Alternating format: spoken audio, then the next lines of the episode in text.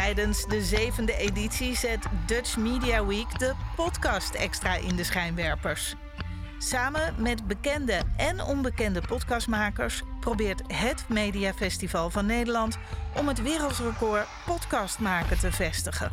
Als onderdeel daarvan stelt Dutch Media Week 2022 met grote trots aan u voor.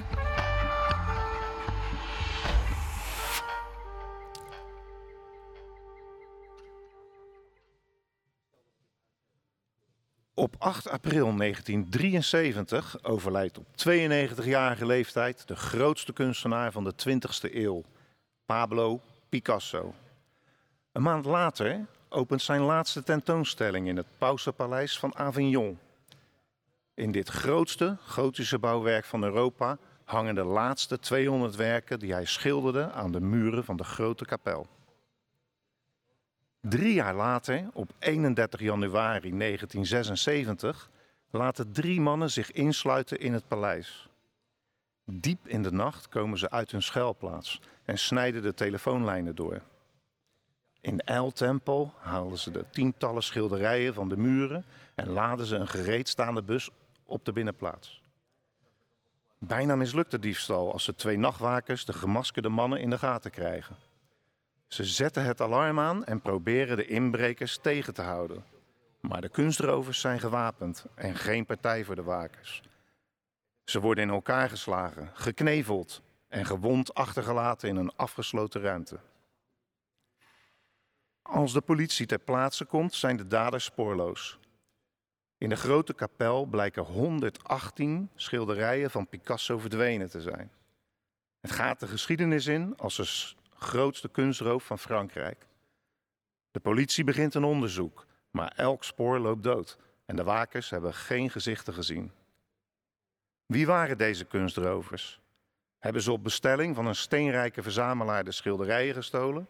Of gaan ze losgeld eisen? En zal de wereld de prachtige Picasso's ooit nog terugzien? Dit is Kunstmafia, een splinternieuwe podcast over roof, vervalsing en zwendel in de internationale kunst- en antiekwereld door Rick Bouwman en Robert Tettero. Deze keer in Kunstmafia, zaak 1, Ben Zuidema en de 118 gestolen Picasso's. Ja, Robert, en uh, dan worden die uh, bewakers worden enorm toegetakeld. En de politie, wat, wat hebben ze uiteindelijk ontdekt? Ja, dat was best wel heftig, hè? want die mannen, die, ik, ik zeg in elkaar geslagen, maar ja, met de korven van de revolvers, ja, hebben ze geluk gehad dat ze niet neergeschoten zijn. Ja, een gebroken kaak, een schedelbasisfractuur, dat soort zaken. En de volgende ochtend uh, worden ze eigenlijk pas ontdekt natuurlijk als de eerste werknemers naar het paleis komen, het grote museum in Avignon. En de Franse politie, die raakt al heel snel het spoorbijster. Er is een witte autobus gezien, een Renault. Die vinden ze later terug in Marseille, want het is in Zuid-Frankrijk, dat ligt iets verder naar het zuiden. Ehm, nergens worden vingerafdrukken aangetroffen, niet in de auto, niet in het museum. En die nachtwakers die kunnen geen signalement geven, want ze waren gemaskerd. Dus uh, zit een beetje met de handen in het haar. En de recherche zit eigenlijk te wachten op een soort van tip uit de onderwereld van Marseille. Want ze denken, ja, die schilderijen zijn gestolen. Die moeten een keer aangeboden worden ergens. Nou, die Parijse commissaris... In Parijs zit de kunst- en antiek uh, criminaliteit afdeling. En die is nog maar net begonnen. Die zijn net een jaar uh, gestart. En die krijgt dit als een van zijn allereerste opdrachten. En het is gelijk de kunstroof van de eeuw in Frankrijk. Volop in het nieuws. Geen enkele aanwijzing. Nou, hoe loopt dat af? Hij zal nog een half jaar moeten wachten voordat zich een doorbraak voordoet. En uh, die komt niet in Frankrijk, uh, Rick. Maar jij weet waar. Nee. Nee, we komen ineens uit in uh, Maastricht. En uh, ja, wat gebeurt er in Maastricht? Daar zit, uh, ja, zeg maar, de, de, ja, de man, zeg maar, die de, de meeste detective van Nederland wordt genoemd, Ben Zuidema. Ben die was het café ingedoken, wat wel eens gebeurt natuurlijk in Maastricht. En dat deed hij samen met een kennis van hem. En zij, uh, zij gingen daar een uh, goed gesprek aan over, uh, over kunstzaken. Ben was daar vooral ook geïnteresseerd in. Ja, en... Hij was ook echt een kunstdetective eigenlijk ook. Hè? Hij had al wat meerdere zaken in, in de kunst opgelost. Ja, zeker. zeker. En dus daar kon hij goed over praten. Maar ja, achter hun zat er ook nog een, een, een, man die met een flinke slok op al daar wat uurtjes doorgebracht had. En ja, die, eh, die ging zich bemoeien met het gesprek. En die, die zei op een gegeven moment van... joh, jullie hebben het nou over een beetje kunst... maar weten jullie hoeveel gestolen kunst er momenteel beschikbaar is? Hij zegt, dat kan heel Maastricht, kan dat nog niet betalen. Oké, nou, dat klinkt als een aardig uh, bedrag. Ja, en, en, ja, dan gaat bij Ben Zuidema natuurlijk gelijk een lampje eh, branden. Want die dacht toen, toen hij eenmaal later op de avond afscheid nam van zijn kennis... Ik ga toch nog ook even een borreltje met die, met die beste man. Ja, ga, ga ik opdrinken. Want ik wil toch eigenlijk wel weten waar hij het nou precies over heeft. En ja, toen vertelde die beste man dat hij via een, een bekende Limburgse heler, autoheler, dat is Rinus P., had hij te horen gekregen dat er Picasso's in de omloop zijn. Ja, en ik kan, ik kan er misschien wel even op, op inspringen. Dat die Ben Zuidema was zelf eigenlijk ook infiltrant en informant in die tijd vaak. En die werkte voor de politie. Dus die wist ook wel in welk milieu hij zijn biertje zat te drinken waarschijnlijk. Ja, en uh, ja, omdat Picasso's een omloop zijn, dacht uh, Ben Zuidema, weet je wat, ik, ik ga toch eens even informeren her en der. En uh, kwam uit bij twee bevriende regisseurs van hem, die werkzaam zijn, er waren twee Belgen, die werkzaam zijn in Antwerpen. En daar vroeg hij aan van, joh, is er wat bekend over gestolen Picasso's? Nou, dat was dus inderdaad zo. In Avignon waren 118 uh, Picasso's gestolen. Dus dat verhaal klopte. En uh, ja, Ben Zuidema dacht van, hé, hey, dit is een zaak, daar kan ik achteraan. En hij zette twee informanten, uh, twee bekende informanten, waar hij uh, meerdere zaken mee heeft gedaan. En hij is een beetje de leider van het team dan. Uh, en dat waren Bob en uh, de kunstkenner. Ja. Dat is wel een bijzondere naam. Ja, bijzondere naam. Maar ja, je weet het met informanten, die dragen nooit hun eigen naam. Ja, dat dus, uh, dus dat waren Bob en de kunstkenner. En ehm, nou ja, goed, toen bleek ook dat Rinus P. die gaf ook aan van, dat het verhaal eigenlijk bekend geworden is in, in Düsseldorf. in een casino al daar. En ja, dat, dat verhaal krijgt dus een vervolg erop. Ja, want die Ben Zuidema die dacht natuurlijk bij zichzelf van... kijk, ik ben bij die man in de bar, die is natuurlijk een, ja, een kleine crimineel misschien... Die biedt dat aan, die heeft dat niet voor niks gezegd natuurlijk. En vanaf dan gaan we naar Rinus P. En hij dacht natuurlijk van als ik maar lang genoeg kan terug blijven volgen... moet ik een keer bij de aanbieders komen. Dus uh, wat doen ze? Uh, ze hebben dat gesprek met, uh, met Rinus P. En die zegt, nou ja, Ehm, mijn contact heb ik in Duitsland zitten, in Düsseldorf. Die ga ik informeren. En dan, dan gaan we wel een ontmoeting plannen. En dat doen ze uiteindelijk in een hotel in Geldrop. Um, ben Zuidema die neemt gelijk contact op met de Nederlandse politie. Het campenteam, zoals dat heet. Om te vragen van, joh, jullie moeten op je hoede zijn, moeten foto's maken van die mensen en van hun kentekens. Want dan kunnen we ze gaan terugzoeken wie dat zijn geweest. Tegelijkertijd betrekt hij ook de Duitse politie erbij.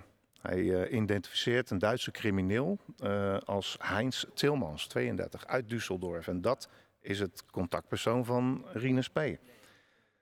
En die Tilmans die zegt tijdens die meeting dat de Picasso's in Frankrijk zijn. Nou ja, dan is dat voor Ben Zuidema duidelijk natuurlijk. 1 en 1 is 2. Hij had al geïnformeerd bij de Belgische recherche. Die zei, daar zijn ze gestolen. Um, maar dan komt er weer een contact bij. En dan zegt hij van, ja, Tilmans, uh, je bent een Duitser. Die zegt, nou ja, ik heb nog een contact, de, hier in, in uh, Düsseldorf ook. Nou, dat is een Fransman. Duitse politie uh, probeert hem te achterhalen, maar ze komen nog niet achter wie dat precies is. Ze weten wel dat het een waarschijnlijk een gevluchte crimineel is die daar zit. Ja, en, en Tilmans geeft ook gelijk aan aan, uh, aan Bob, zeg maar, van joh, ehm, laten we over een paar dagen gelijk een volgende afspraak maken in het uh, Sheraton Hotel in, in Gelderop. Um, om daar toch wat afspraken te maken over, over het gebeuren. Nou, dat, dat, doen ze. Ze komen een paar dagen later weer bij elkaar. Bob is erbij, Tilmans de Duitser is erbij.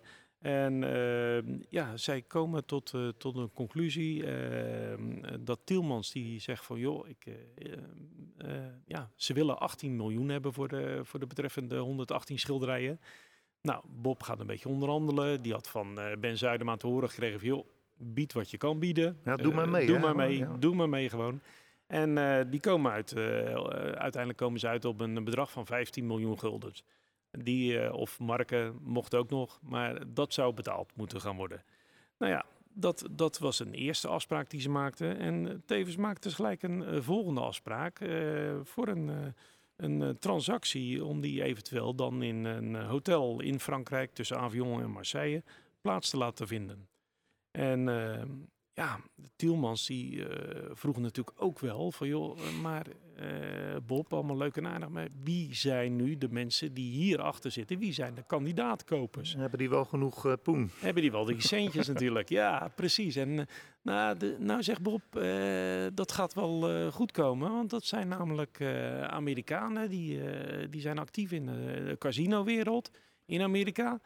Nou ja, dan eh, weet je het wel. Las Vegas. Uh, Las Vegas, uh, Casino Mafia. Uh, ja, ik zie El Pacino voor me een dat beetje. Is, dat is een dus, beetje interessant natuurlijk. En ja, dat, daar gaan ze mee aan de slag. En hij geeft aan van, ja, dat er zijn twee Amerikanen die, die daar zeer geïnteresseerd in zijn.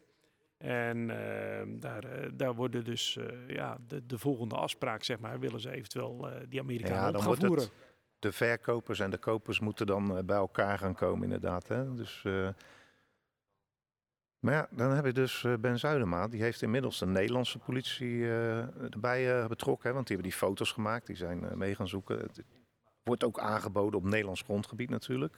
Hij heeft twee Belgische regisseurs erbij betrokken inmiddels. Want er zit in die bende ook nog een Belg. die de Belgen graag erbij willen hebben. En de Duitse politie, hetzelfde. Die wil die Tilmans te pakken krijgen. En ze moeten dus hun kunnen pakken voor een misdaad. Dus het wordt eigenlijk een soort van cover-op. En Ben Zuidema zegt, misschien is het tijd dat we de Fransen erbij moeten gaan halen. Want ja, die zoeken natuurlijk al een hele tijd naar die uh, schilderijen. Die zijn al zes maanden in het duister. Dus uh, ja, die maken een afspraak. En Ben Zuidema zegt, ja, ik kan ze niet bellen. Dat uh, niemand gelooft mij. Dus die twee Belgische regisseurs, die uh, zeg maar bieden aan, die zeggen wij bellen wel, dan uh, is het een officieel uh, bericht. En nou ja, die Franse commissaris van de kunst- en antiekafdeling, die schiet natuurlijk overeind en die denkt van een aanwijzing. Er gaat wat gebeuren. En, Na uh, zes maanden. Ja, precies. En, dus die gaan met z'n vieren, Bob, Ben en, en de twee Belgische regisseurs, die gaan met z'n vieren richting, richting Parijs. En ehm, ja, daarbij tijdens dat gesprek geven de twee Belgen gelijk al aan van joh, Jullie hebben twee Amerikaanse maffiafiguren nodig. Uh, wij gaan wel undercover uh, en uh, zij gaan wel voor de rol spelen van maffiabaas en bodyguard. Ja. Elke maffiabaas heeft een bodyguard. Dus zij gaan met z'n tweeën op die manier verder te werk. En ehm, ja, nou ja, Tilmans wil... Die wil geld zien. Wil geld zien. 15 miljoen willen ze hebben. 15 miljoen gulden is het nog natuurlijk, want we zitten in 1976. En nou ja, Nederlandse politie, Duitse politie, Belgische politie.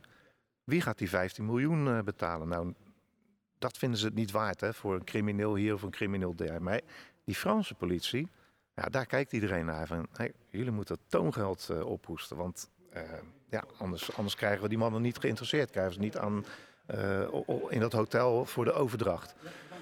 Maar uh, ook de Franse uh, commissaris van de kunstcriminaliteit, die nog maar net uh, een jaar bezig is, gaat tot aan het Openbaar Ministerie in Frankrijk en hij krijgt het geld niet. Het enige wat ze willen geven, en het enige wat ze hebben waarschijnlijk, is 1 miljoen valse dollars. En dan denken ze, nou ja, zegt bij een Zuidema, dat is goed, beter iets dan niets. Dus we gaan wel daarmee aan de slag en misschien kunnen we ze daarmee lokken naar die plek. Ja, en uh, dat betekent dus dat uh, de afspraak die wordt later uh, dus neergezet in een hotel in, in Frankrijk. En Bob en de, de kunstkenner, de twee secondanten van Ben Zuidema, die gaan dus op pad richting Frankrijk.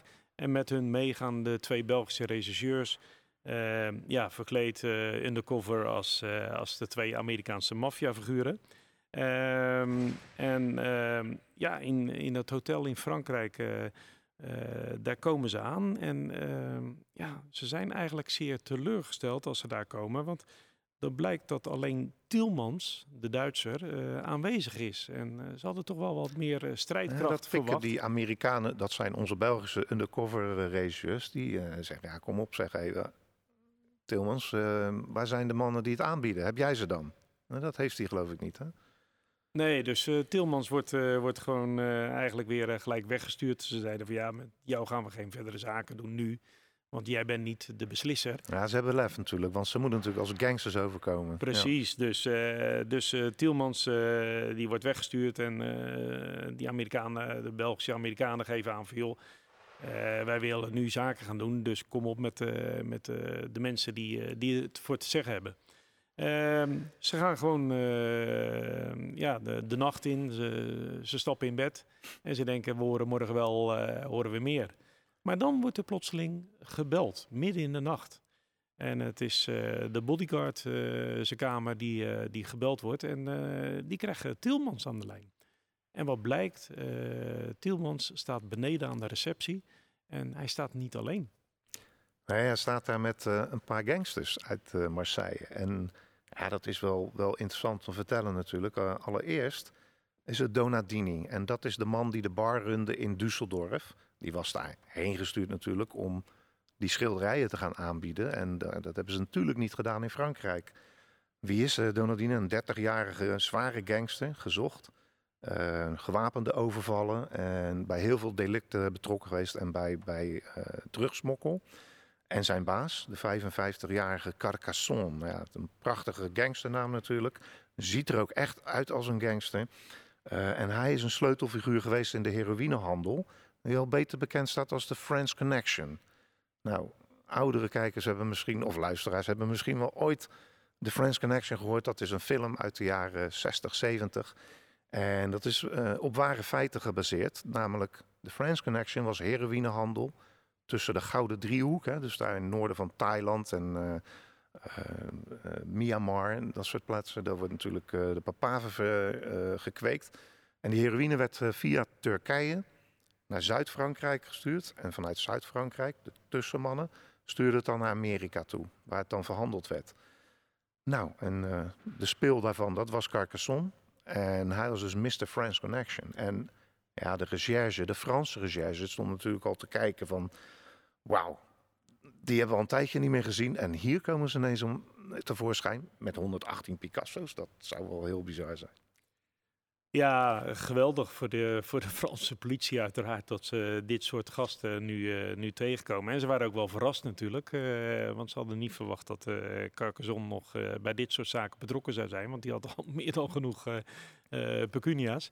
Um, hij maar, had een prachtige villa inmiddels in Saint-Tropez. En, uh, ja, ja, en ook een rijke man. En een leuke buurvrouw ook, geloof ik. Ja, Brigitte Bardot. Ja, exact.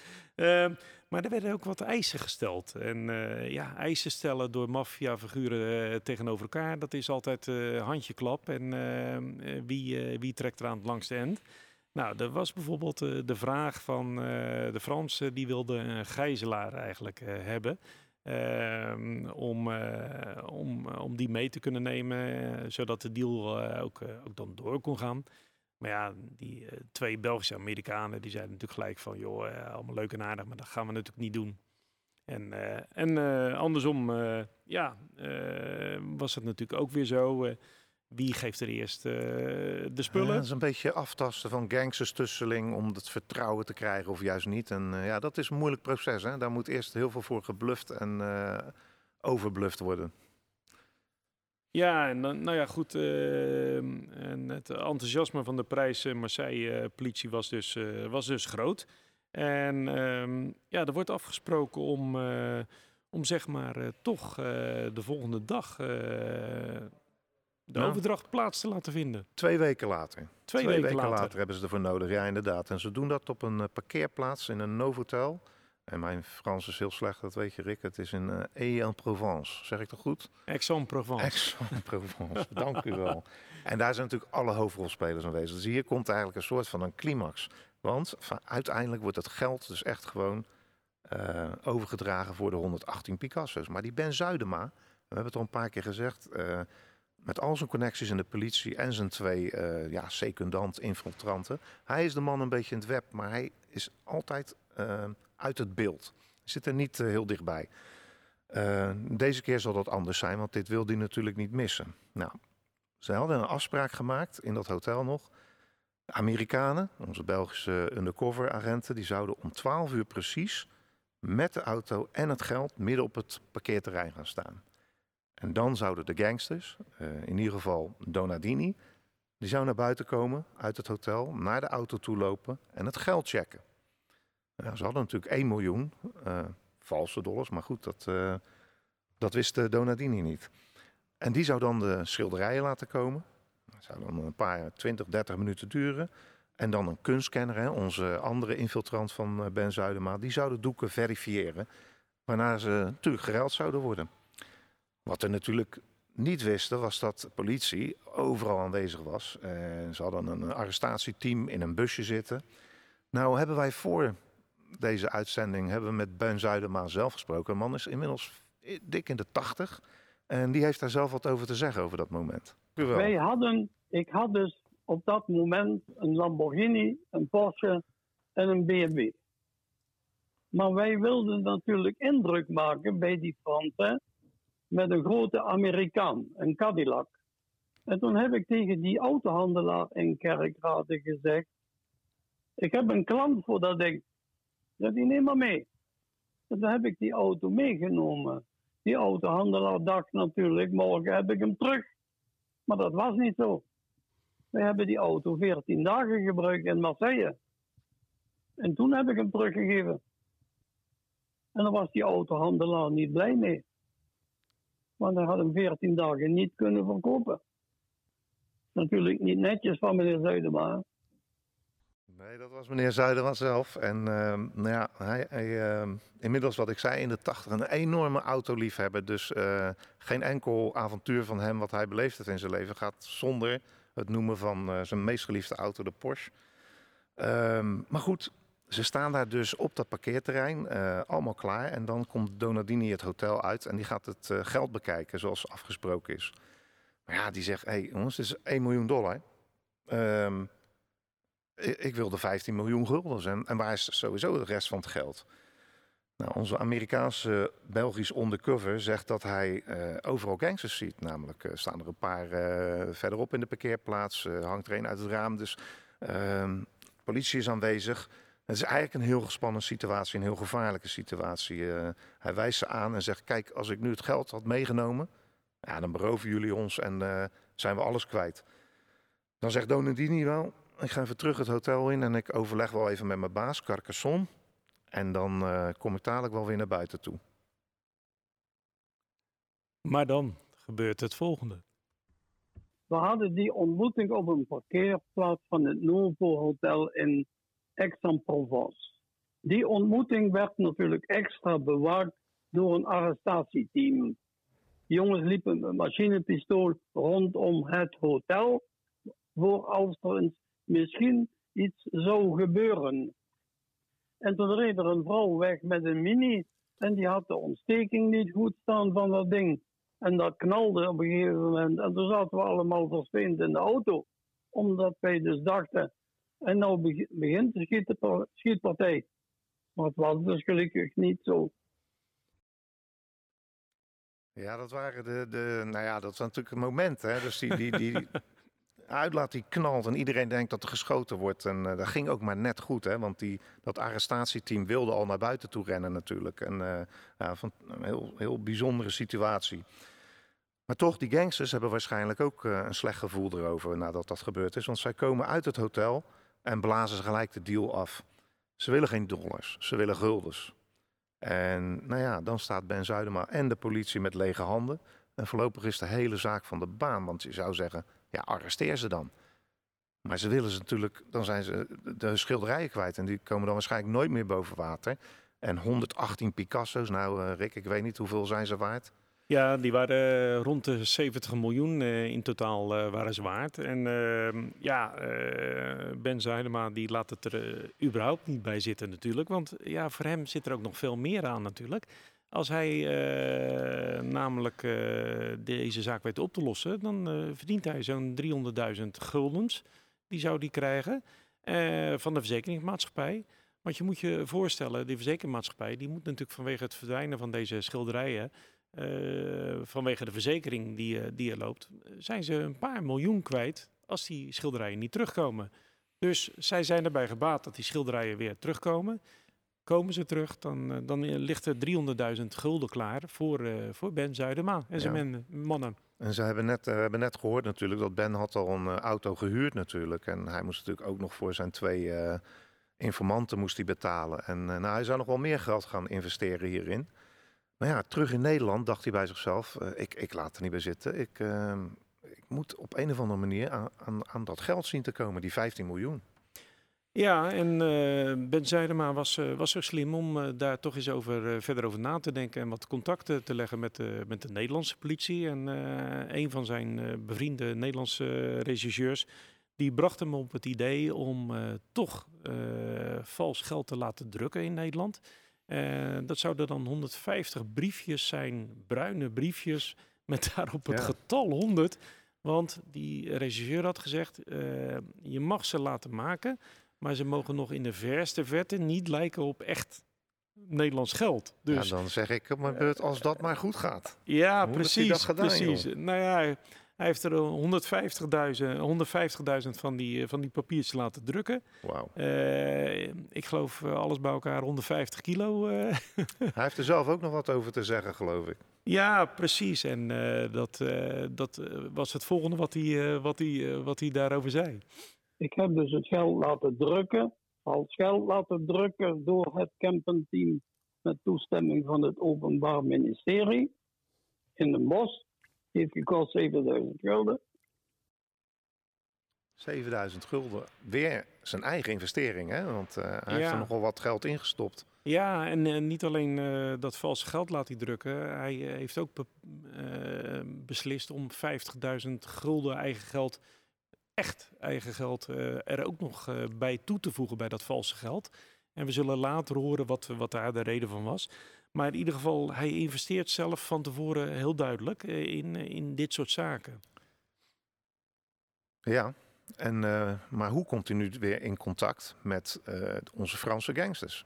Ja, nou dat is, uh, dat is Bob, die wordt weer ingeschakeld. De, eigenlijk de rechterhand zeg maar, van Ben Zuidema. En die gaat weer contact opnemen met, met de informant Rinus P. En uh, die meldt uh, aan Rinus P. van, joh, de Amerikanen die, uh, die zijn net op Sicilië geweest.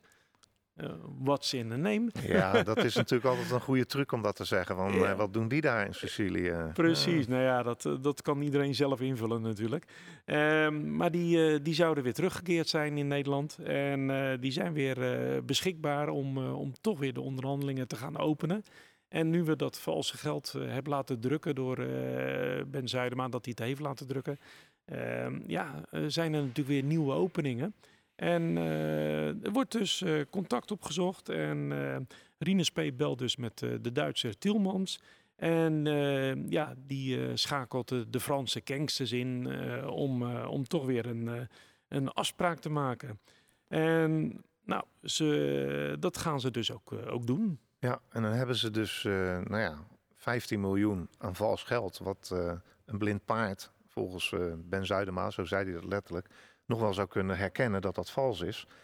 Maar goed, ze moeten het toch ehm, naar Frankrijk brengen. En dan zegt Ben Zuidema, ja, maar we moeten ze nog overtuigen. Want misschien zien ze er alsnog vanaf. Dus die vraagt aan die Tielman, kun je een handlanger sturen... die zeg maar bij de grensovergang, want in die tijd... waar de grenzen tussen Nederland, België, België, Frankrijk natuurlijk nog gesloten.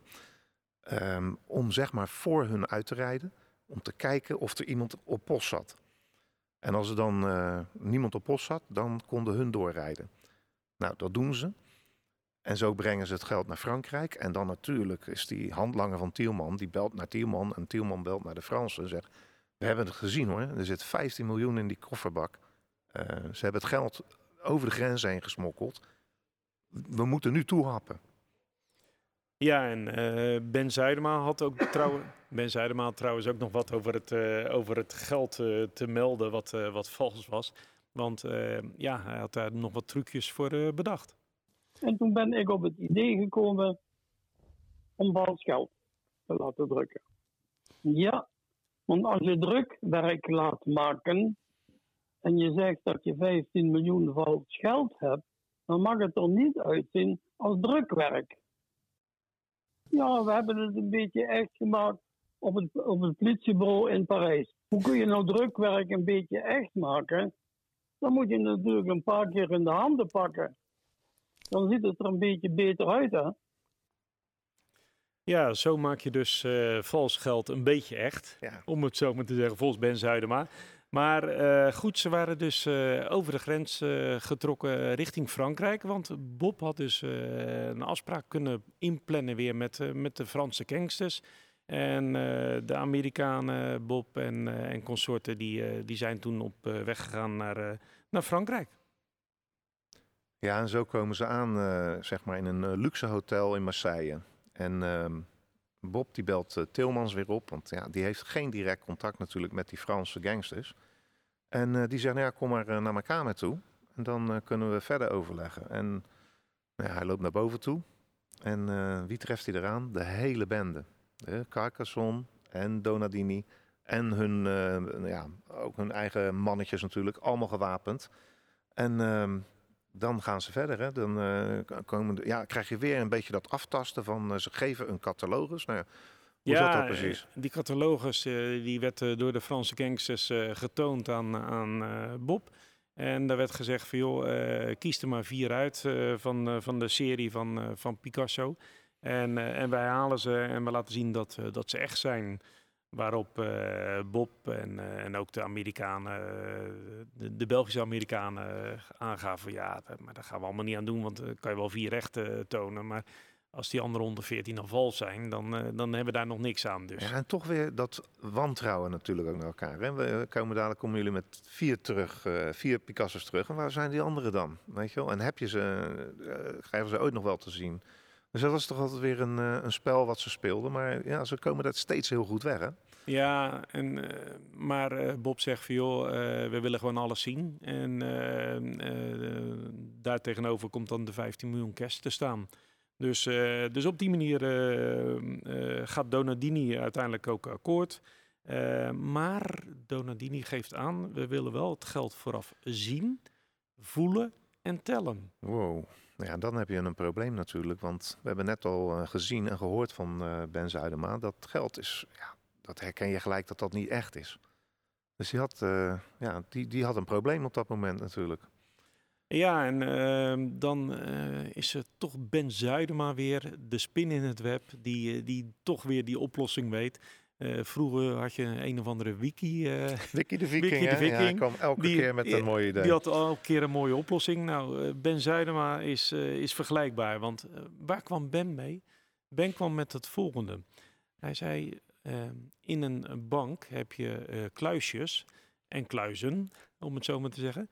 Ehm, en ehm, ja, als daar een hekwerk voor zit, wat, wat ook sommige banken hebben dan mag alleen maar de eigenaar van een kluis, die mag binnen die, uh, die ruimte zeg maar komen. En iedereen die verder meegaat, die moet achter dat hek blijven. En nou, de Franse politie in Marseille, die, uh, die dacht van ja, wij gaan gewoon even kijken of we zo'n bank kunnen vinden. Nou, die vonden ze dus. En um, dus het plan was zeg maar om... Ehm, ja, dat is een beetje waar ze uitkomen. Hè. Ze komen zeg maar op een, een bank uit in de Canabière van Marseille. En ja, dat is een beetje de Champs-Élysées van, van Marseille. Ja. Een drukke straat vol met theaters, uh, grote bankgebouwen en, en, en musea. En heel veel mensen. Ja, en, en, en daar gingen ze dus uh, aan de slag. En uh, nou, de, de, de kluis waarin de, de vijf koffers stonden. Met vijf koffers, hè? Vijf koffers met 150.000 briefjes. Rick, ik heb het een keer uit zitten rekenen. Maar 150.000 briefjes van 100 Nederlandse gulden. Dus ongeveer 150 kilo ja, geld. Ja, doe je best met tillen. Ja. Ehm, maar in ieder geval, ehm, ja, daar beneden was dus, eh, was dus die kluis. En ehm, daar stond een hek voor. En de insteek was om ehm, ja, dat, dat, eh, dat ze naar beneden zouden gaan en dat eh, Bob alleen eh, achter het hek zou mogen eh, eh, naar de kluis Ja. zou mogen toegaan en kunnen tellen. En dat Donadini en, en de Amerikaanse bodyguard, die ook mee naar beneden zouden gaan, die zouden alleen van afstand dat allemaal kunnen bekijken. Achter het hek, hè? Ja, precies. Ja, en dan, eh, ja, dan komt dat moment natuurlijk eh, dat, ze, dat die Donadini ook aan het kijken is natuurlijk een keer het geld wil checken. Ja, en eh, daar hadden Bob en, en de bodyguard hadden daar een hele goede afspraak over gemaakt. Bob zei namelijk van, joh, eh, op het moment dat ik het echte geld, wat er tussen gestoken was, het echte geld wat eh, Ben Zuidema toen erbij gestoken had, hij zegt, op het moment dat ik het echte geld in mijn hand heb, dan trek ik een stukje van mijn hemd uit mijn broek. En eh, dat zou voor de bodyguard een teken zijn om Donadini aan te spreken. Van joh, Donadini, jij zou toch eh, het echte geld willen, of jij zou toch het geld willen voelen, zien. En ehm, dus, eh, nou ja, toen kwam Bob met het echte geld richting het hekwerk en gaf dat aan Donadini. Zo'n bundeltje. Zo'n bundeltje. Ja. En, ehm, en Donadini ging toen naar boven, naar de, de, de kasbalie, om dat geld om te wisselen voor Franse francs. Ja, zodat hij zeker wist dat het echt was. Precies. En nou ja, de, de cashier eh, boven, die, eh, die werkte daar aan mee. Was overigens een Franse agenten, uiteraard. eh, want er was geen bankier te vinden in de bank. Want alle mensen die daar rondliepen voor die ba- bij die bank, dat waren gewoon allemaal agenten natuurlijk. Maar eh, zo ging het wel. Ja, en dan eh Donadini eh, is in zijn nopjes. Die heeft eh, zijn eerste geld in zijn zak gestoken. 50.000 gulden in Franse francs. En eh, ja, die neemt contact op met zijn baas natuurlijk. Want die gaat zeggen van, jongen, uh, Carcassonne, ik heb het geld getest. Ik heb gezien dat ze het hebben. Ik heb zelfs gewisseld. De bank accepteert het. Het is echt geld. Laat die, laat die Picasso's maar komen natuurlijk. En tegenover het hotel hadden ze ook afgesproken, daar gaan we dan ook de deal doen. Want ja, vijf koffers, daar ga je niet eh, drie straten mee doorlopen. Dus dat zouden ze daar tegenover doen.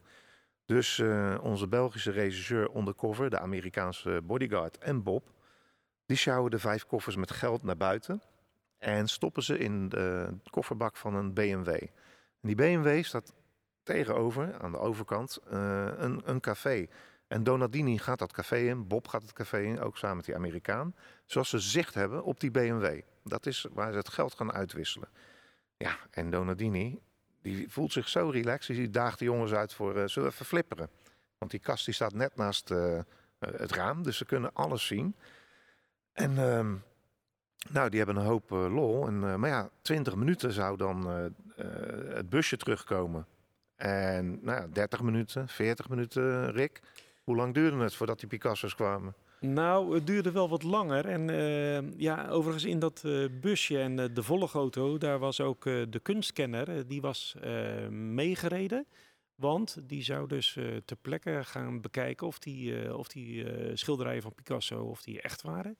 Ehm, en op het moment dat die terug zou komen, hadden ze afgesproken dat de kunstkenner, die zou zich dan voor in de wagen nestelen. als ze echt zouden zijn. Als ze vals waren, zou die achterin gaan zitten. En dan, ja, dan wist iedereen van, nou, we moeten er vanaf blijven. Ja, want dan, eh, zijn, dan hebben ze misschien die Picasso's helemaal niet. dan zijn die Picasso's helemaal niet vals. bezit of Ja. vals. eh, dus eh, daar was het wachten op. Maar wat jij zei, het zou binnen 20 minuten geregeld zijn. Ja, dat was het niet. Het duurde uren. Nou, waarom? Wat was ja. er gebeurd? nou, wat, wat gebeurde er? Carcassonne was de bezitter van alle 118 Picasso's. Althans, in zijn woning waren die Picasso's ondergebracht. Hij had namelijk een, eh, een groot huis en eh, had ook een eh, flink wat kamers over. En een van die kamers heeft hij gebruikt om daar die Picasso's te stallen. Alleen, ja, om die in zicht te houden, dat wilden ze niet. Dus wat hebben ze toen gedaan? Toen hebben ze een dubbele muur gebouwd. Ehm, en die Fransen dachten dat ze die muur wel even in een minuutje of tien eh, zouden kunnen breken. Maar uh, het was uh, goed gemetseld. en ze zijn dus uren bezig geweest om ja, die 118 Picasso's achter die dubbele muur vandaan te halen. Ja, dan kun je wel breken. Maar dan moet je ook een beetje voorzichtig zijn dat je de schilderijen natuurlijk niet beschadigt. Dus, dus dat duurde nogal even. Nee, en ja, Brigitte Bardot die wilde misschien ook niet te veel herrie als buurvrouw. Dus wie weet wat er allemaal, wat er allemaal speelde. Maar goed, um, voordat die dingen terugkomen, al die, die, dat, de busje met de Picasso's en de wagens, uh, even nog even over die Canabière. Want um, de politie was natuurlijk best wel ja, gespannen, want het is natuurlijk een drukke plek, te veel winkelend publiek, mensen. Dus um, Ben Zuidema, die heeft nog wel iets te zeggen over... Ja, het was wel spannend hè, of dat ze komen zouden.